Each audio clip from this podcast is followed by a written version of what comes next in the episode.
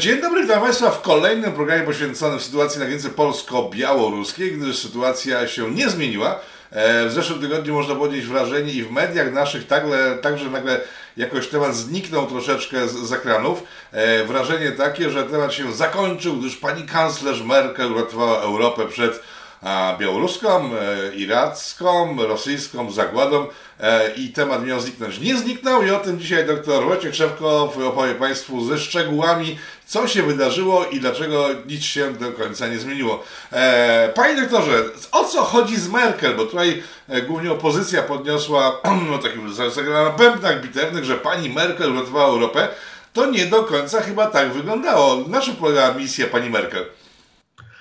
Czy pani Merkel trochę w nieszczęśliwym terminie, dlatego ponieważ prawie bezpośrednio po e, spotkaniu ministrów spraw zagranicznych Unii Europejskiej, którzy zatwierdzali sankcje wobec Białorusi, gdzie zresztą te i sankcje, i stanowisko e, unijne było bardzo ostre, bardzo zdecydowane, no i takie powiedzmy aż nie unijne, tak? Jesteśmy przyzwyczajeni do Unii, która spotyka się po to, żeby spotkać się za 6 miesięcy i zastanowić się nad, nad, następnym spotkaniem.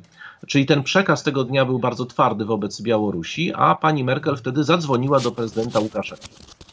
To po pierwsze nie wiedzieliśmy od razu i bezpośrednio po, tym, e, po tej rozmowie, o czym rozmawiali, to znaczy dowiedzieliśmy się tego natychmiast z mediów e, białoruskich, natomiast um, Urząd Kanclerski dopiero po jakimś czasie opublikował bardzo zdawkową informację na temat e, tej rozmowy. Białorusini byli zachwyceni samym tym faktem, ponieważ propaganda białoruska powiedziała, że Merkel obiecała rozwiązać problem z tymi dwoma tysiącami e, migrantów, którzy znajdują się na terenie Białorusi, czyli krótko mówiąc wziąć do siebie, jak Aha. twierdzi do dzisiaj Łukaszenko. Po drugie, że e, sprawa zostanie, e, że, że, że, sprawa ewentualnego dalszego finansowania kwestii zatrzymywania tych migrantów zostanie w jakiś sposób załatwiona, ponieważ no faktem jest, że była umowa o readmisji podpisana z Białorusią i Białoruś otrzymywała środki na utrzymanie obozów dla uchodźców, którzy by ewentualnie byli zawracani z granic, no ale Łukaszenko stwierdził, że Unia to zerwała wtedy, kiedy wprowadziła sankcje. E, no i ta sprawa miała być jakoś załatwiona. I trzecią sprawą było generalnie e, umówienie się na to, że to w tej chwili już e, Unia Europejska i Niemcy, ja powtarzam cały czas za białoruską propagandą, będą dalej spotykali się w sprawie uregulowania tego kryzysu czyli nad no głową Polski, nad głową krajów e, bałtyckich. To powiedziała białoruska propaganda i prawdę powiedziawszy, ja jeszcze nie widziałem od, nie wiem, od bardzo dawna tak wielkiego zachwytu. To były dziesiątki programów, analiz, co chwila wypowiadali się politolodzy, politycy, analitycy, e, białoruscy, zagraniczni, to znaczy białoruscy, ale udający zagranicznych, opowiadający właśnie o tym, jak znakomitą rzeczą była właśnie ta rozmowa, że Merkel uznała de facto prezydenta Łukaszenkę za prezydenta, czyli zakończyła się ta izolacja. I najważniejszy przekaz: dwaj poważni politycy europejscy, czyli Łukaszenko i Merkel, załatwili sprawę, którą wywołała awanturnicza Polska. To taki był mniej więcej przekaz. No dobrze, ale to, że Merkel rozmawiała z Łukaszenką, to jest złamanie umowy europejskiej, zresztą, która powstała na prośbę Niemiec poniekąd, żeby bojkotować wynik wyborów na Białorusi i nie uznawać Łukaszenki za prezydenta. E, w chwili, kiedy Merkel zadzwoniła, bo to są dwa różne głosy. Łukaszenka twierdził e, od razu, że to, że, to, że to Merkel do niego zadzwoniła, ona twierdzi, że to, e, że to, że to do niej zadzwoniono. E, Łukaszenka chciał zabrania połowy ludzi do, do Niemiec, to się nie udało. E, ale zanim przejdziemy do momentu, który się udał tak naprawdę, bo przecież Unia Europejska e, wysupłała pieniądze dla Białoruskiego Czerwonego Krzyża na obsługę imigrantów na Białorusi, to samo zerwanie tego paktu e, przeciw Łukaszence chyba miało jakieś reperkusje w Europie, bo nie mogło nie mieć. Znaczy przede wszystkim Merkel, najpierw powiedzmy co twierdzi Merkel, tak? co twierdzi dyplomacja niemiecka. Przede wszystkim Merkel twierdzi, że nie mówiła do niego panie prezydencie, tylko Herr Łukaszenko, co miało być, nie legitymizować go. Co więcej, Łukaszenko został przyciśnięty w czasie wywiadu przeprowadzonego przez brytyjskiego dziennikarza dla BBC i tam e, dziennikarz go wyraźnie pytał, czy mm, ona go tytułowała tak czy inaczej, czy ona go uznała, czy mówiła panie prezydent, pa, panie Łukaszenko, czy prezydencie. On, on potwierdził, że ona go wcale nie tytułowała prezydentem, ale jemu, jak zacytujmy go, pluć mu na wasze ja pluję na wasze legitymizację, mnie wybiera naród białoruski, a nie jakiś tam niemiecki, czy europejski, czy brytyjski i ja nie, nie interesuje wasza legitymizacja, bo wy mnie nie uznajecie już 25 lat i mi pluć na to i z tym pluciem powtórzył to jeszcze kilkukrotnie w tym swoim e, wywiadzie. W związku z tym no możemy pośrednio uznać, że ona go nie uznała. To, że ona e, złamała bardziej pewien protokół niż tą umowę, dlatego ponieważ ona się tłumaczy, że no chciała w jakikolwiek sposób e, załatwić tę sprawę, to ma mniejsze znaczenie. Większe znaczenie ma to, e, i zresztą bardzo wielu polityków europejskich od lewa do prawa skrytykowało Merkel za to, że jeżeli w tej sprawie strony umówiły się, cała Unia Europejska umówiła się co do sankcji, co do tego, że mamy przecież Ursulę, Ursulę von der Leyen albo mamy Josefa Borrella, który odpowiada za politykę zagraniczną unijną. To to było największe fopa, ponieważ to był sygnał o rozbiciu jedności europejskiej, czyli sygnał o tym, że Niemcy wyłamują się ze szczytu, na którym przed chwilą dosłownie głosowali właśnie nad wspólnym i solidarnym stanowiskiem. I zdaje mi się, że ta burza musiała również przetoczyć się przez Niemcy, tym bardziej, że zarówno minister spraw zagranicznych, jak i minister spraw wewnętrznych, jak i ten e, przyszły kanclerz jednoznacznie powiedzieli, że będą wszystko koordynować z Polską, że wszystkie działania będą uzgodnione z Polską, że nie będzie żadnych porozumień nad głową Polski. No to zostało wyraźnie powiedziane. No ale ten głos Merkel i już sam fakt, że ona zadzwoniła do, zadzwoniła do Łukaszenki, dał paliwo propagandzie białoruskiej na przynajmniej tydzień. A i nawet do dzisiaj jest to jeszcze wykorzystywane, tylko już w innym kontekście. Mówi się, proszę, Merkel nam obiecała kontakty, Merkel nam obiecała, że będzie to za, załatwiane na poziomie europejskim i nie ma żadnych kontaktów.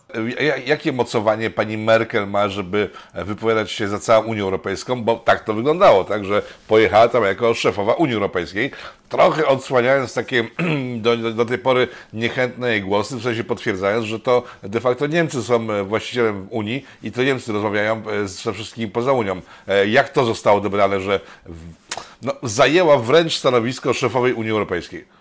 Znaczy ja widziałem e, wypowiedzi przede wszystkim polityków tutaj krajów bałtyckich, Pamiętajmy, że kraje bałtyckie w przeciwieństwie do Polski nie są nacenzurowanym. Tak? One wypełniają dokładnie wszystko to, co Unia e, im każe, w związku z tym one nie mają żadnych tam problemów, nie są skazywane, nie są w jakiś sposób alienowane z Unii Europejskiej, są prymusami, jeśli chodzi o integrację.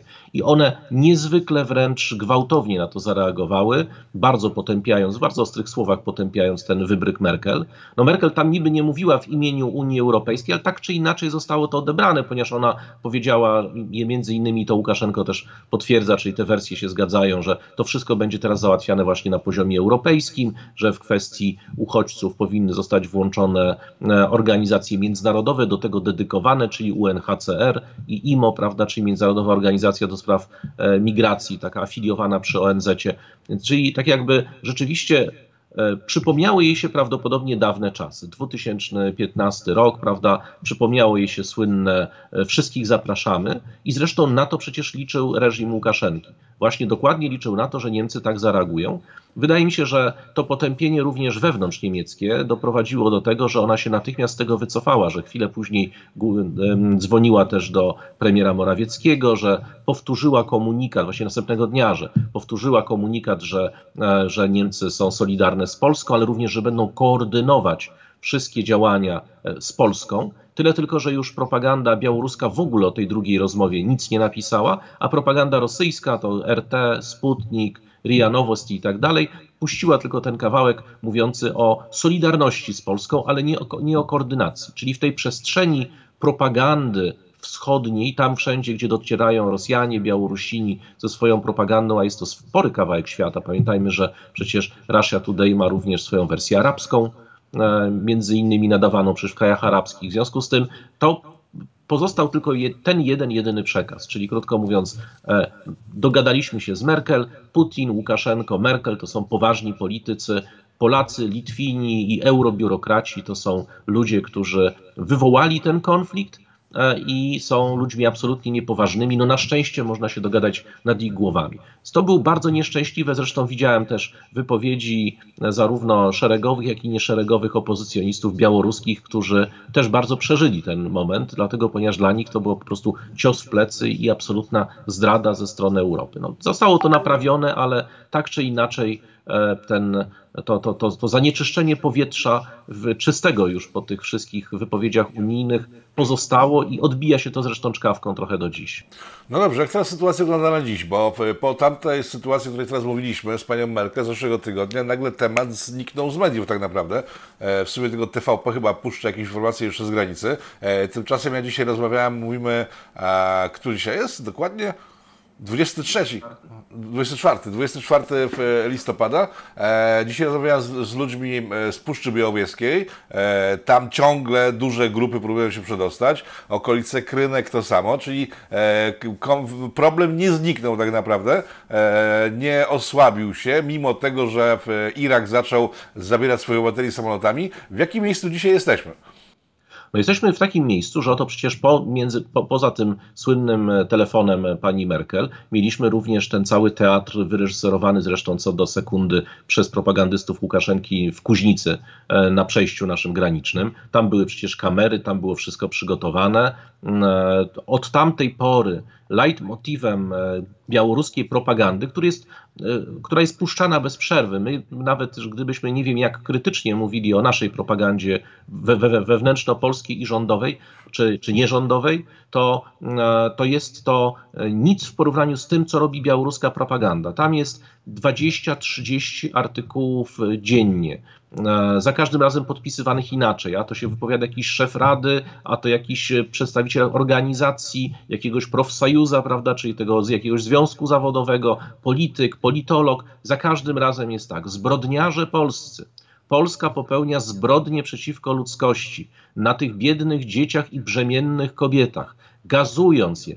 Od tygodnia mamy codzienne informacje obszerne i oświadczenia oficjalne ze śledztwa prowadzonego. W tej chwili na przykład komitet śledczy ustalił, że Polacy używali aż dwóch rodzajów granatów hukowych że używali, co więcej, nawet tam pojawiły się sugestie, że Polska zostanie podana do Międzynarodowej Organizacji e, Broni Chemicznej, czyli tej, która na przykład badała ataki chemiczne w Syrii. Dlatego, ponieważ Polska użyła broni chemicznej przeciwko dzieciom, bo już taki również się pojawia przekaz, albowiem były środki chemiczne w wodzie, która jest teraz analizowana przez liczne laboratoria białoruskie i pewnie też rosyjskie.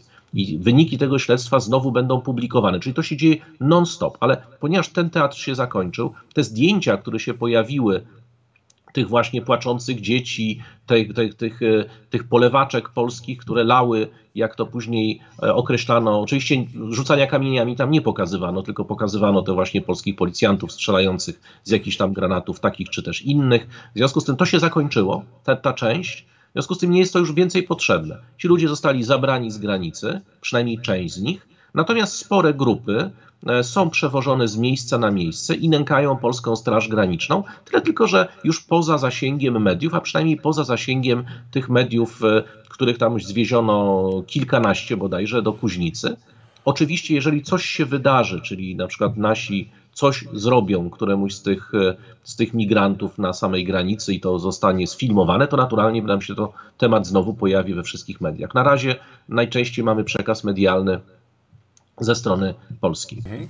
Jeżeli mówimy o propagandzie i przekazie medialnym, w zeszłym tygodniu w rosyjskiej telewizji odbyło się spotkanie ekspertów tamtejszych, e, którzy stwierdzili, że e, Polska wykonała ruch, który pokrzyżował strasznie plany Łukaszenki i Rosji, czyli wycofała polskie media z granicy gdyż polskie media wykorzystywane były jeden do jednego do przekazywania e, rosyjskiej propagandy. E, jak, jak to skomentować, bo to jest chyba trochę druzgoczące dla polskich mediów, skoro Rosjanie mówią wprost, że polskie media są w takim stanie rozkładu, że kolportują przekaz wrogiego państwa w chwili, kiedy państwo polskie jest atakowane przez to państwo. To jest, to jest absurdalna sytuacja kompletnie. Czy ja jestem tak szczęśliwym człowiekiem, najszczęśliwszym w Polsce, ponieważ nie, nie, śledzę w ogóle polskich mediów, od razu się przyznam, ale te fragmenty, które gdzieś się pojawiają, na przykład dobrzy ludzie wrzucają na Twitterze, bardzo często są jednobrzmiące z tym, co czytamy w Sputniku, w, e, w wirtualnym Brześciu, w Giełcie przede wszystkim, czyli tej oficjalnej szczekaczce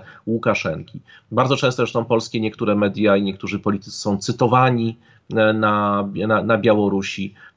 Że, że, znaczy, z tego, co sobie poczytałem komentarzy również białoruskiej opozycji, to ktoś tam napisał, że w zasadzie nie wiadomo, kto od kogo ściąga. To znaczy, kto pierwszy komunikat wymyślił, a kto powtarza.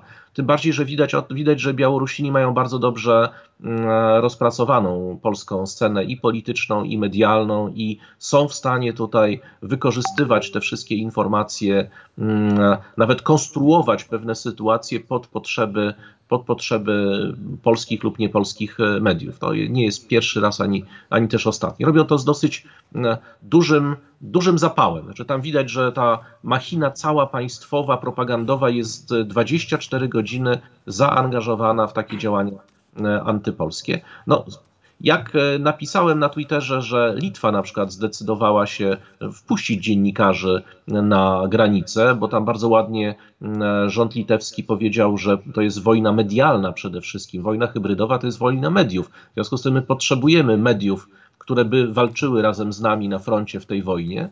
A to któryś z bardzo mądrych i sprytnych e, komentatorów napisał: Ja też bym wpuścił litewskie media na polską granicę.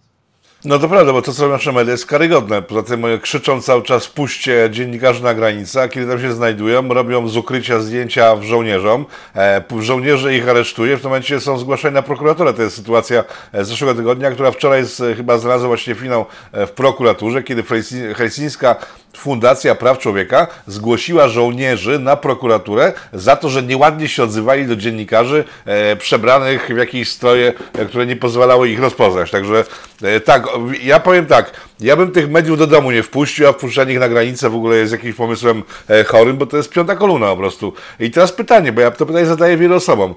Co w, w innych, nie mówimy teraz o Polsce, wiadomo, że u nas to się nie dzieje.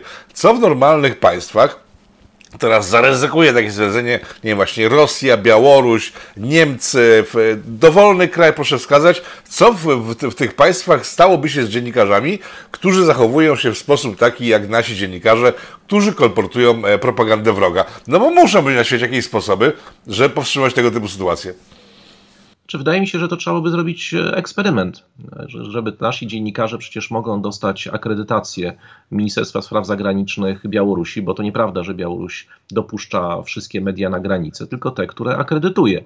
E, wczoraj czy przedwczoraj e, kurdyjska dziennikarka z, ze stacji, która notabene permanentnie nadaje na temat sytuacji na granicy, próbowała przekroczyć granicę Białorusi, została aresztowana, ponieważ nie miała odpowiedniej akredytacji. Ale czym innym jest akredytacja i zostanie przywiezionym na miejsce przez służby białoruskie i pokazanie teraz filmujcie to, a czym innym byłoby, przypuszczam, pójście do lasu i próba właśnie z ukrycia mm, z ukrycia filmowania białoruskich e, pograniczników. Przypuszczam, że nigdy więcej byśmy tych dziennikarzy nie zobaczyli, ani ich kamery. Tam są puszcze i, i po prostu by pewnie zniknęli. Zresztą tak, tak by się prawdopodobnie stało. Nie sądzę, żeby również Rosjanie sobie na coś takiego pozwolili, Białorusini, no ale zakładamy, że są to kraje niedemokratyczne, w związku z tym one się kierują niedemokratycznymi mm, regułami. W Izraelu, który jest państwem, którym mówiliśmy wielokrotnie, który przecież ma bardzo demokratyczne media, co do tego nie ma wątpliwości, ale istnieje po prostu cenzura wojskowa i nawet w czasach pokoju mm, e, armia po prostu nie dopuszcza na przykład do, jakichkolwiek, do publikowania jakichkolwiek informacji, które mogłyby narazić żołnierzy na linii frontu, pomimo tego, że przecież w Izraelu nie mamy stanu wojennego czy stanu wyjątkowego, mamy teraz czas pokoju. E, Izrael nie pozwala na publikowanie zdjęć żołnierzy, ich adresów. Nie, Izrael nie pozwala na e, publikowanie żadnych informacji o stratach. Jeżeli pojawią się gdzieś informacje e, dotyczące, dotyczące powiedzmy łamania praw człowieka przez żołnierzy izraelskich, o tym prasa może napisać. Natomiast takiej sytuacji, żeby ona mogła na przykład pojechać na, gdzieś do jednostki, która znajduje się na, granicy w strefie gazy i robić zdjęcia, nie ma takiej możliwości. A jeśli ktoś, któryś dziennikarz uważa, że tak jest, to niech, niech spróbuje coś takiego zrobić w Izraelu, tylko niech najpierw pożegna się z rodziną. Czyli po prostu bezchołowie w Polsce panuje, chcę pan powiedzieć to tak... No, jesteśmy krajem złotej wolności.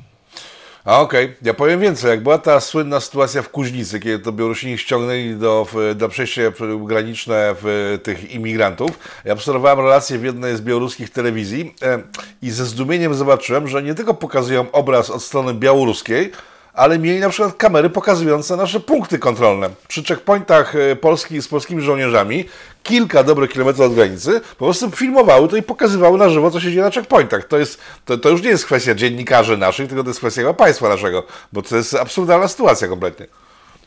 No jest to sytuacja taka, do której żeśmy nie przywykli, dlatego ponieważ Polska nie jest w stanie wojny.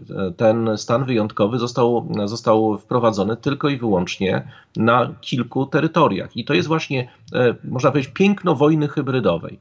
No nie jest to stan wojny taki, gdzie mamy mobilizację, stan wojenny, e, tak, wszystkie sprawy o, o bieżące odsuwamy na plan dalszy, jak pamiętamy z II wojny światowej słynne przemówienie tylko mamy do czynienia z wojną hybrydową i do wojny hybrydowej mamy niedostosowane ustawodawstwo. I tak naprawdę wobec wojny hybrydowej państwo demokratyczne, jeżeli chce pozostać państwem demokratycznym ze wszystkimi regułami państwa demokratycznego, no nie jest przystosowane, no bo to jest taka wojna i nie wojna. Z jednej strony ktoś wobec nas prowadzi działalność klasycznie, która ma osiągnąć cele charakterystyczne dla wojny, a z drugiej strony my zachowujemy się tak, jakbyśmy żyli w czasach pokoju.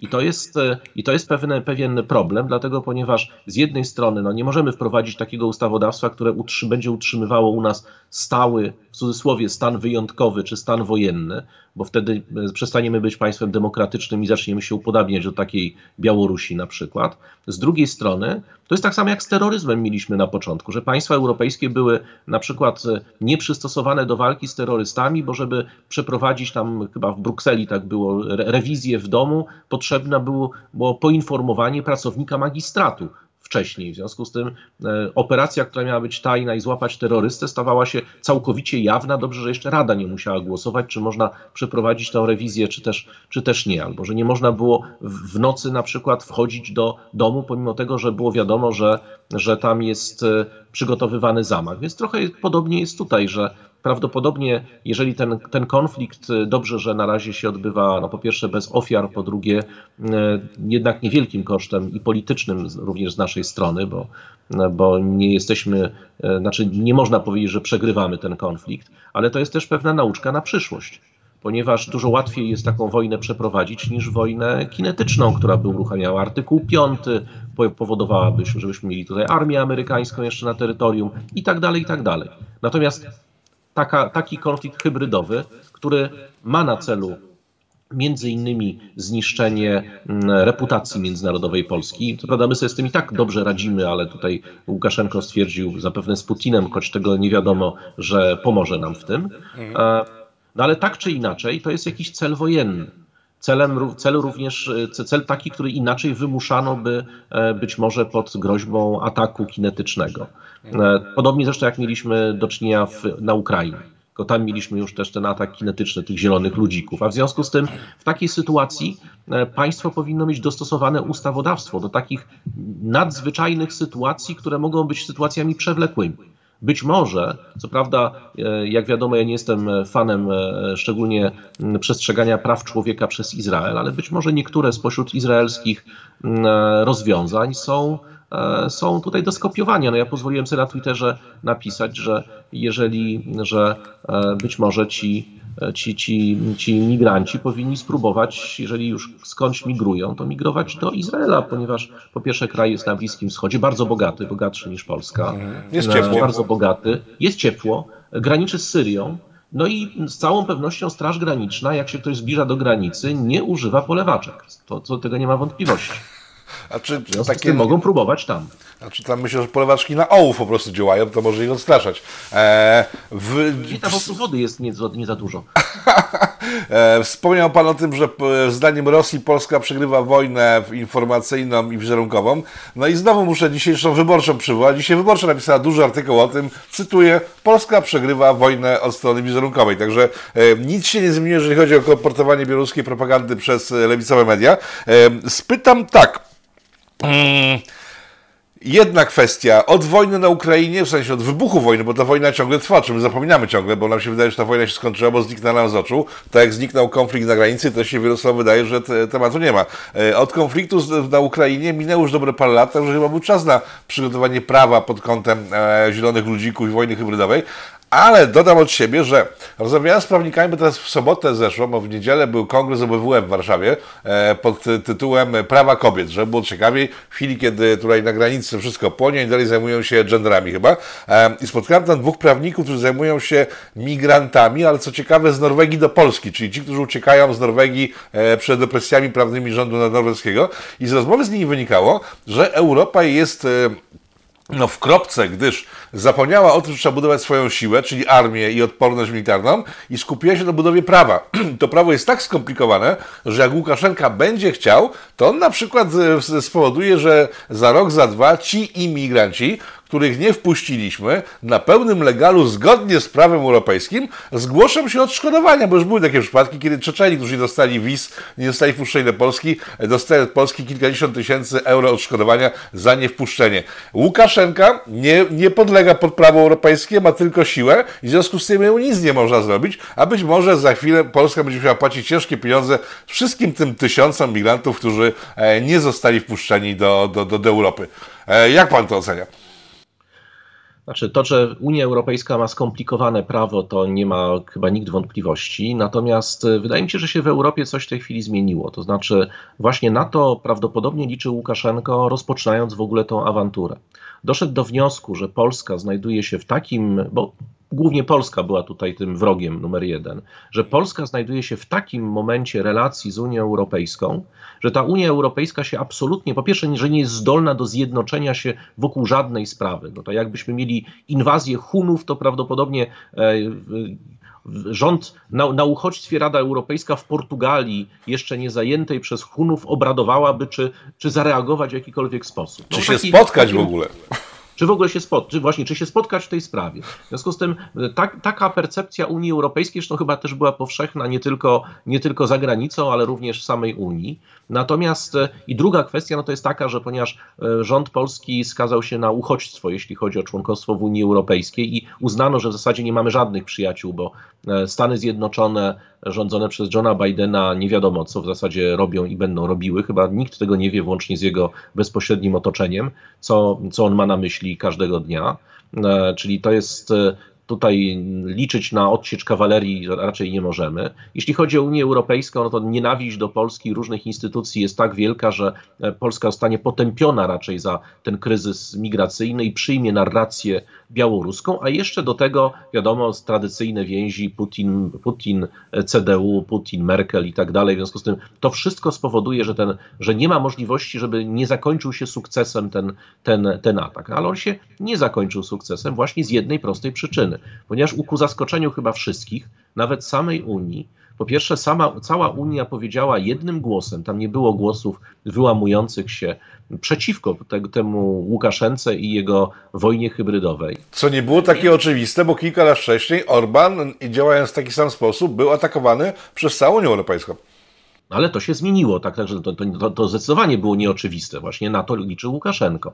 Po drugie Niemcy, które uznawano, że te Niemcy Merkel to są, to są Niemcy tak przyjazne wschodowi, jak mniej więcej Trump był Izraelowi, e, że nagle e, te Niemcy powiedziały, że absolutnie nikogo nie przyjmują. Ta nowa ekipa, która się pojawiła, MSW, MSZ i nowy kanclerz, zdają się być e, no, dużo bardziej żelaźni niż ta pani żelazna kanclerz niby i rzeczywiście mówią jednym głosem. Co, co więcej, sta, stają tutaj, no nie wiadomo, czy akurat po stronie Polski, czy po swojej stronie. Oni wiedzą o tym, że jeżeli się zgodzą na te 2000, to będą mieli 200 tysięcy za 2 czy 3 miesiące. No bo jak się okaże, że można wystarczy kupić sobie bilet na Białoruś żeby, żeby dostać się do Niemiec, no to jest na pewno lepsza droga niż wszyscy ci, którzy łódkami próbują teraz dostawać się przez Morze Śródziemne, przesiądą się z tych łódek na samoloty Białawi, o co zresztą pewnie też chodziło. Bo warto wspomnieć w, tej, w tym momencie, że to nie jest tak, że tylko Polska jest zaatakowana w tej chwili przez y, emigrantów, tylko to jest Hiszpania, Włochy. Całe południe znowu zaludniło się od łódek i łódeczek, które płyną w kierunku Europy.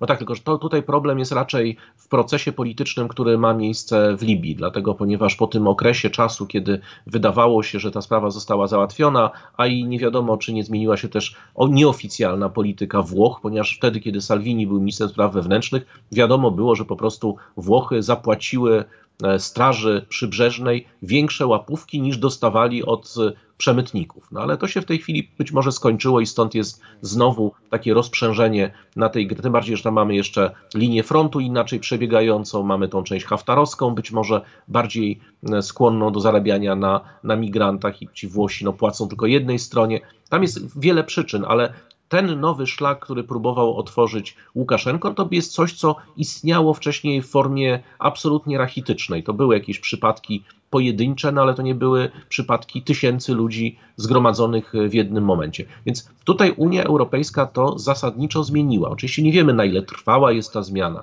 czy ta zmiana będzie kontynuowana ale jak dotąd nikt się nie wyłamuje. Co więcej, znakomicie rozgrywają tę sprawę e, państwa bałtyckie. Prawdę powiedziawszy, nie spodziewałem się, że będą aż takimi jastrzębiami. Znaczy, oni są, wydawało się, że Polska jest e, tutaj krajem, który e, zaatakowany ma najwięcej pomysłów e, niekorzystnych dla, dla Łukaszenki. Tam Litwini mówią natychmiast zamknąć granice, zerwać wszystkie stosunki gospodarcze, zagłodzić tych Rosjan, zagłodzić Białorusinów. Więc Polska jest bardziej ostrożna, prawda? Mówi o tutaj zamknięciu jednego przejścia, dwóch. Litwini nie mają absolutnie takich problemów. I oni zresztą byli największymi orędownikami, na przykład chyba nawet pomysłodawcami tego, tych sankcji lotniczych. Jeszcze przed szczytem, że będą proponowali, żeby nałożyć na Białawie, na wszystkie inne firmy. I jak widać, to zadziałało. W ciągu sekundy nagle się okazało, że tureckie linie lotnicze już nie wożą. Białawia wiadomo. Białawi zabrano teraz z 30 samolotów, musi oddać 21 zostanie im 9 samolotów, to już będą, nie będą specjalnie mieli czym wozić. Więc to się wydarzyło i to jest przełom unijny. To też pokazuje, e, jak silną potrafi być Europa, jeżeli przestanie rysować kredkami, chociaż na chwilę, i zacznie wykorzystywać nawet tą soft power, którą ma, dlatego ponieważ Europa jest niezwykle chociażby atrakcyjnym rynkiem. Tyle tylko, że ze względu na to, że jest niezjednoczona, ze względu na to, że w każdej sprawie jest jedna sprawa i 500 pomysłów na tą sprawę i nie potrafi wprowadzać wspólnych stanowisk, szczególnie w stosunkach zagranicznych, to jest rozgrywana przez różne takie właśnie kraiki i nie jest godnym partnerem ani dla Chin, ani dla Stanów Zjednoczonych tak naprawdę prawie że w niczym, a już szczególnie w kwestiach gospodarczych. A przecież zamknięcie rynku europejskiego dla wielu krajów oznacza natychmiastowe bankructwo, ponieważ nie są w stanie zrekompensować sobie zamknięcia takiego rynku żadnymi relacjami z innymi krajami w ciągu kilku nawet lat. No ale Europa też jest uzależniona od tych towarów, więc nie jest tak łatwo z kolei zamknąć granice dla tych towarów z zewnątrz.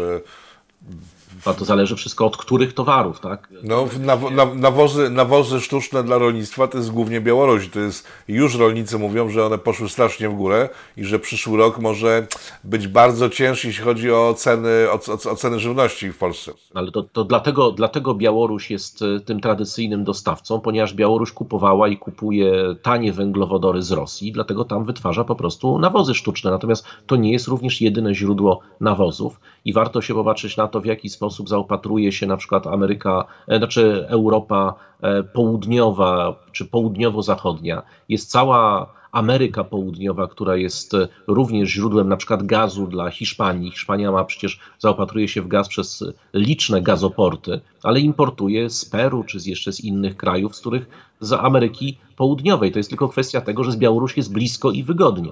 No ale jeżeli to oznacza, że mamy przyjmować również, znaczy godzić się na dyktatora, który grozi nam wojną już kinetyczną, to może warto poszukać innych źródeł, innych źródeł e, dostaw po prostu. Jeżeli mówimy o wojnie kinetycznej, to pytanie chyba na koniec. E, w, czerwcu chyba tego roku, tak, dokładnie w czerwcu tego roku, doktor Górski tutaj w Polityko e, rysował, rysował taki a, taką możliwą, hipotetyczną sytuację, w sensie w praktyce bardzo, bardzo, bardzo blisko rzeczywistości, zresztą Pan o tym też bardzo często mówił, że cały ten konflikt skończy się e, wejściem Rosjan z siłami pokojowymi na Białoruś, Białoruś przestanie być niepodległa i granica z Rosją nagle stanie się, znaczy znajdzie się w miejscu, w którym Rosjanie chcą, żeby była granica. E, scenariusz na przyszłość, bo to od, od sierpnia, od czerwca minęło trochę czasu. Jak Pan dzisiaj widzi e, scenariusz na rozwiązanie tej sytuacji? Nawet jeśli ta sytuacja miała być, no, rozwiązanie nie miało być dla nas smaczne.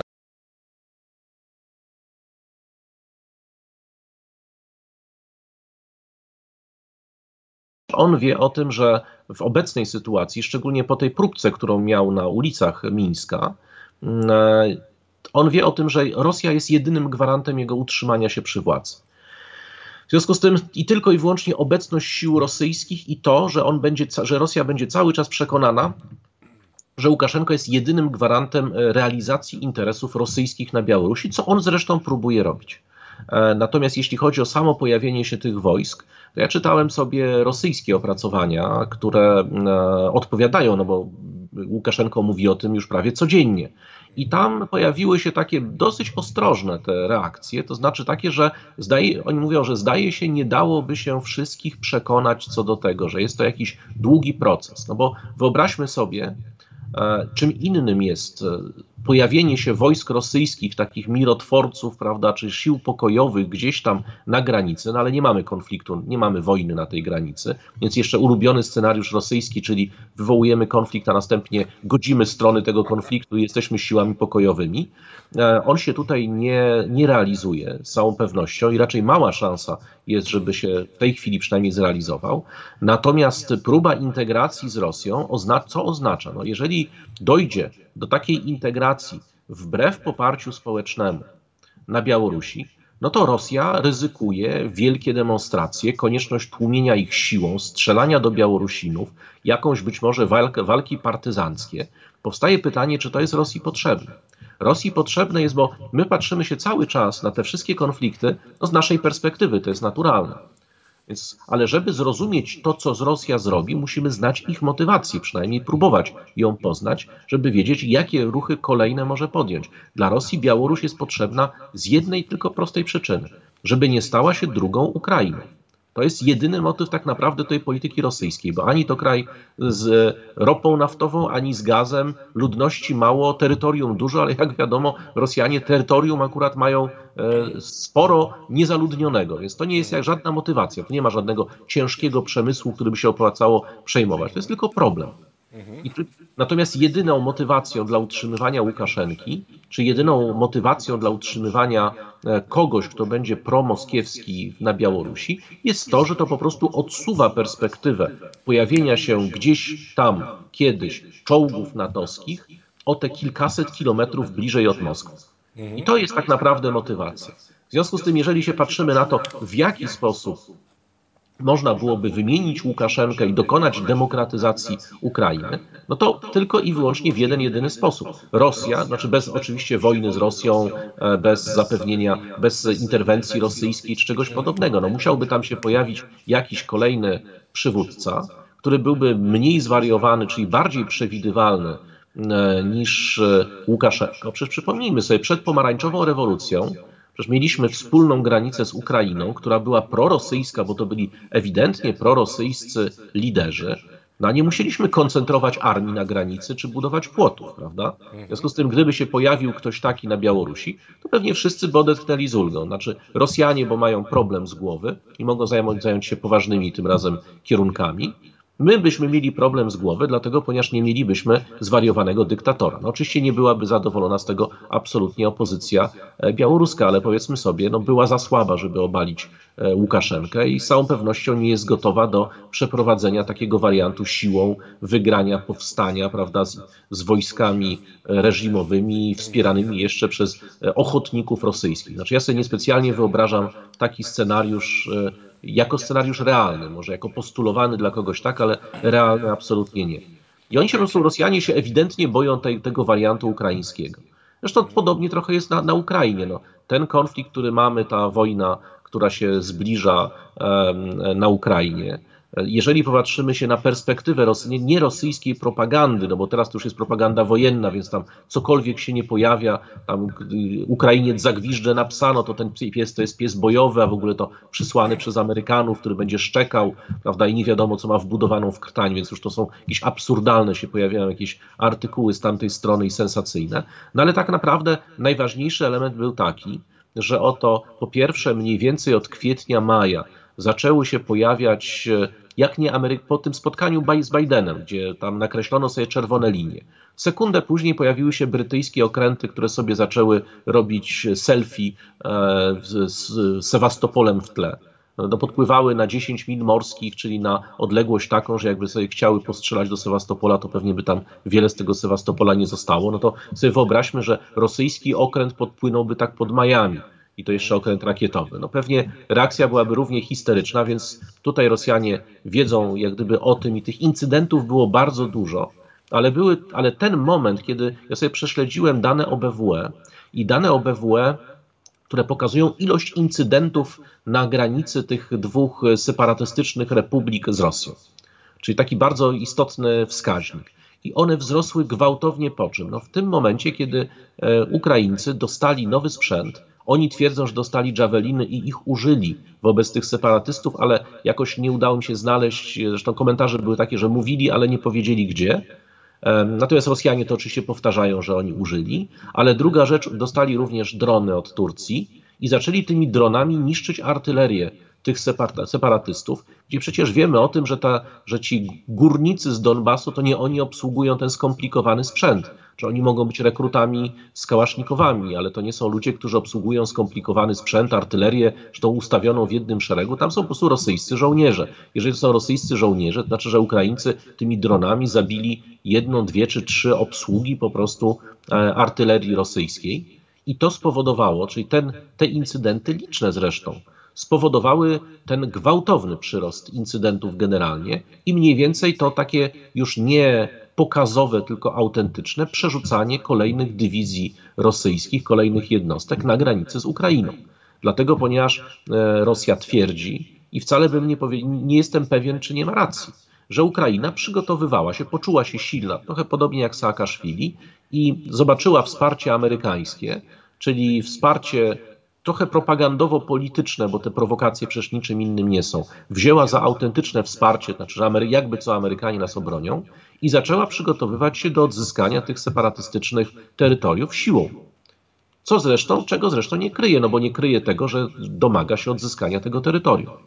I tutaj ta analogia z Gruzją może być podobna, to znaczy w tym sensie, że, że Rosjanie uznali, że po prostu, że dojdzie wkrótce do przejęcia tych republik siłą, że one ze względu na ten nowy sprzęt, one się same nie obronią, e, a w związku z tym być może trzeba ten atak uprzedzić.